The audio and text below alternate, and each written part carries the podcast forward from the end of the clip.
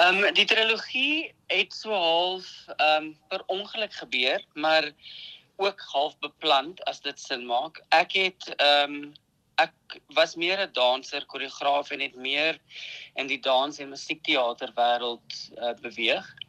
En toe as gevolg van hoe my kop werk en hoe ek dink ek moet groei as 'n 'n akteur of danser of iemand in die kunste, het ek gedink ek sal graag wil uh, meer teks of acting tipe van drama aanwerk. En toe het 'n vriend van my Punte Ferreira het 'n boek geskryf The Last Supper wat ons toe laat verwerk het in 'n teks in. En dit was soos 'n two-hander stuk met uh, my en Terry Scott en dit het gehandel oor 'n jong dansertjie wat uh, ook maar net 'n danser geword het omdat hy nie geweet het wat anders om te doen nie. Uh tydens die oorlog tye en hy het onder sy ma se naaldwerkmasjien groot geword en sy het oor see by die Lido in Parys gewerk en toe moes hy terugtrek Suid-Afrika toe en in 'n klein dorpie aanpas hmm. en hy het daar in sy tannie se hotel begin optree vir die mense in die aande en oor naweke. En na dit het ek met Gopala Davies gepraat en ek wou baie graag 'n stuk doen oor Nijinsky, Vaslav Nijinsky wat een van die eerste Russiese balletdansers was wat bekend geword het, maar hy het ook um mal geword en was in inrigtinge vir die laaste 30 jaar van sy lewe as gevolg van skizofrenie onder andere. En dit was 'n teks, daar's 'n bestaande teks maar Gopala het nie van die teks gehou nie. toe verwerk ons glad nie die teks nie. Ons het net ons eie ehm um, storie saamgestel en dit was meer dans en eksperimentele teater met baie media inkorporasie.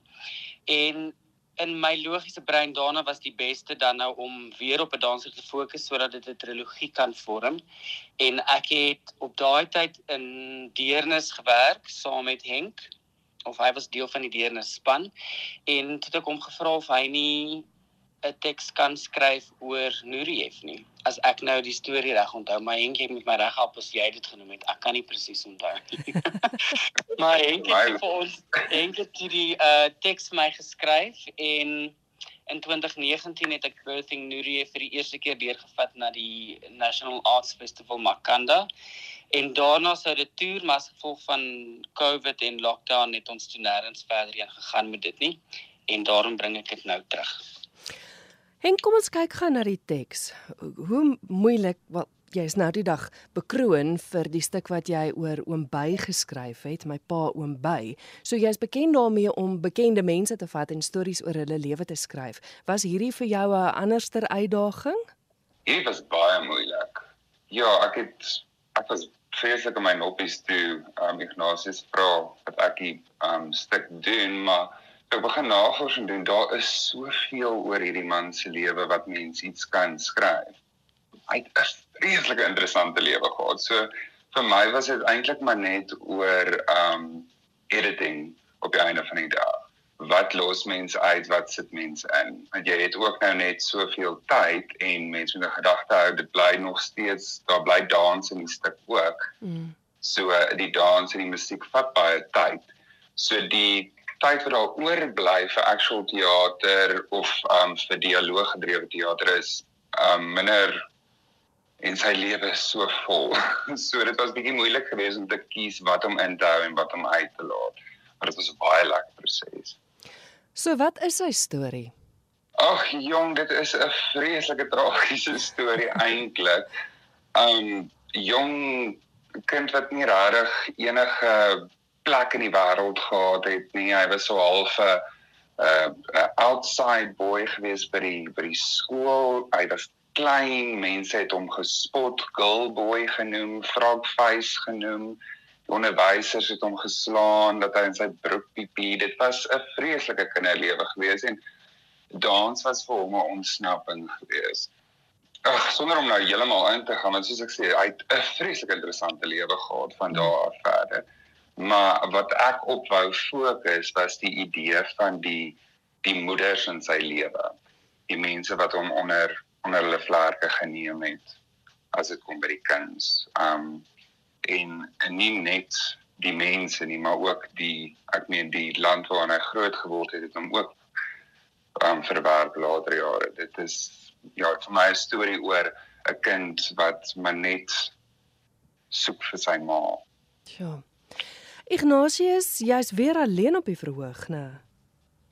Ja, vir omtrent 99% van die tyd is ek alleen op die verhoog. Ehm um, daar's 'n uh, 'n vinnige verskyning deur 'n danser wat net as uh, Nurief het 'n verskriklike goeie verhouding gehad met ehm um, Margot Fontaine, dis een van sy bekendste uh by die partnerships as ek dit so kan stel. Mhm. Ehm um, en daar's 'n oomblik wat hy wat Henk in die teks ingewerk het, ehm um, wat sy storie half onderbreek word met die duet wat hy gedans het met haar in Swanemeer en Andrei Oorendal wat die regie behartig wou daar nie net fokus op die animasie en op ehm um, Nuriev se terugdink nie maar hy wou die hy wou baie graag die die dans insit. So, so daar kom iemand op om net saam met my te dans vinnig, maar die res van die tyd is ek stoksiel alleen ja. Dit is ongelooflik. Jy noem nou van die animasie want want my vraag was hoe beeld mens al hierdie moederfigure, die mense wat 'n impak in sy lewe gehad het, hoe beeld jy dit uit? So die animasie en goeters verduidelik gou vir die luisteraars wat is dit wat geskep word op die verhoog visueel? Goed, so visueel op die verhoog het ons ehm um, drie skerms wat op 'n baie spesifieke manier gestel is ehm um, deur Cosie Smit uit die uit die stelontwerp vir ons behartig. En dan die animasie en die ehm um, het Naret loods vir ons gedoen en sy gebruik stop motion, ek weet nie wat die Afrikaanse woord vir dit is nie. Ehm um, animasie. En baie van die teks lei 'n mens baie duidelik oor wat presies jy op die agtergrond wil hê, maar wat Andre reg gekry het om te doen met die animasie, die teks en die dans wat Henk ingeskryf het is mense wat gewoonlik van autobiografiese tipe werke hou of wat bang is om vir dit te gaan kyk. Daar's nie 'n oomblik wat jy nie geïnteresseerd gaan wees in wat jy sien nie.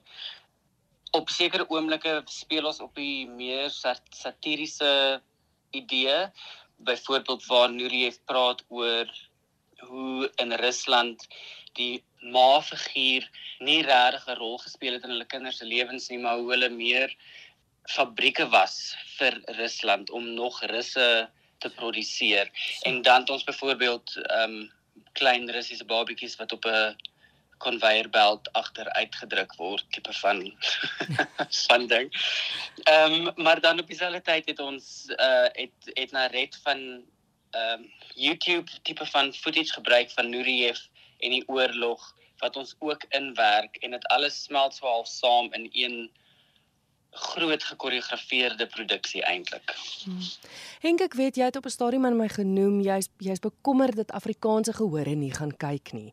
Miskien omdat dit 'n storie is wat so ver verwyderd van ons is nie. Ek meen dit speel af in Rusland groot gedeelte daarvan. Maar dis in Afrikaans. Dit is dis gebruikersvriendelik vir die Afrikaanse gehoor, né? Nee? Wel die storie is ehm um, universeel. Dit is in Engels geskryf hele stuk. Ehm um, ja, maar dit speel ook nie regtig op 'n plek af nie. As mens gaan kyk, eh, dit is dis baie geskryf in sy kop na sy dood hoe hy terugkyk oor sy lewe en ehm um, sy sy memories daaroor, maar dis 'n baie universele storie. En ehm um, ek Ja, ek ek was 'n bietjie bekommerd dat Afrikaanse mense dalk nie Engelse stuk oor Russiese ballet hulle sal wil kom kyk nie, maar ek dink as mense eers daar is en jy verstaan die storie en dit is dis ietsie waardeur ons almal eintlik gaan daai wie daai daai ek wou amper sê duality tussen um vertroud wees met wie ek is as 'n mens en vertroud wees met wie ander mense, my volk, my verwag ek moet wees. Daai um ja duality. Ek dink dis 'n beautiful story en wat enige iemand gaan geniet. Maar dis hoekom ek onderhoude doen soos die, juis om vir mense meer oor 'n stuk te vertel sodat hulle nie vooropgestelde idees het nie. Ignasie is nou jou kans. Hoekom wil jy hê moet luisteraars gaan kyk? Kyk. vir my is dit 'n ek dink as mens kyk na die storie van Nureyev en en hoe hy groot geword het en uh, sy loopbaan daarna en nou nog steeds terugkyk op sy lewe, hy is nog steeds een van die mees gefotografeerde mansterre wat daar ooit was. Hy was regtig 'n uh, merkwaardige man en ek het net gisterand agtergekom wat ek nie geweet het nie. Hy het ook um orkeste gedirigeer wat ek nie van hom geweet het tot gisteraan nie. Ehm um, so hy was net 'n merkwaardige mens en ek dink die storie van sy verhouding met Rusland en met sy ma en oorlog en hoe mens besluit waartoe jy gaan in jou lewe is vandag nog so relevant as mens kyk na die huidige oorlog tussen Rusland en Oekraïne. Dit is daar het nie juis veel verander nie alhoewel ons almal dink ons het aanbeweeg van baie dinge in ons lewe. En dan verder wil ek as akteur net baie graag vir mense die storie vertel. Dit is dis regtig 'n verskriklike mooi produksie wat baie mooi aan mekaar gesit is en Andre Odendaal se regie is net fenomenaal. Ek het ver oggend met hom gepraat daaroor um, om 'n program saam te stel en hy het sy woorde aan my was dis vir hom een van sy hoogtepunte in sy regie loopbaan vir teater. Sjoe. Wat 'n wonderlike voorreg om saam met hom ook te werk. Ja nee, dit was ja, ek ek is baie baie baie dankbaar en baie baie geëerd dat ek dit kon doen. Nou Ignatius, julle het nou reeds 'n vertoning by die Vrystaat Kunstefees gehad vandag, die 4de Oktober, maar daar is nog twee vertonings, verstaan ek reg? Dis korrek. Dis Saterdag en Sondag so die 8ste en die 9de Oktober en die ehm um, kyk net skyna op die feesterrein. Hoe maak luisteraars kan hulle maar net na die webwerf van die Vrystaat Kunstefees toe gaan om te bespreek? Ekskuus dat ek jou in die rede val. Ja, hulle kan na die webwerf gaan van Vrystaat Kunstefees. Die kaartjies is ook beskikbaar op Webtickets en as ek nou reg is, verkoop hulle ook kaartjies by die deur.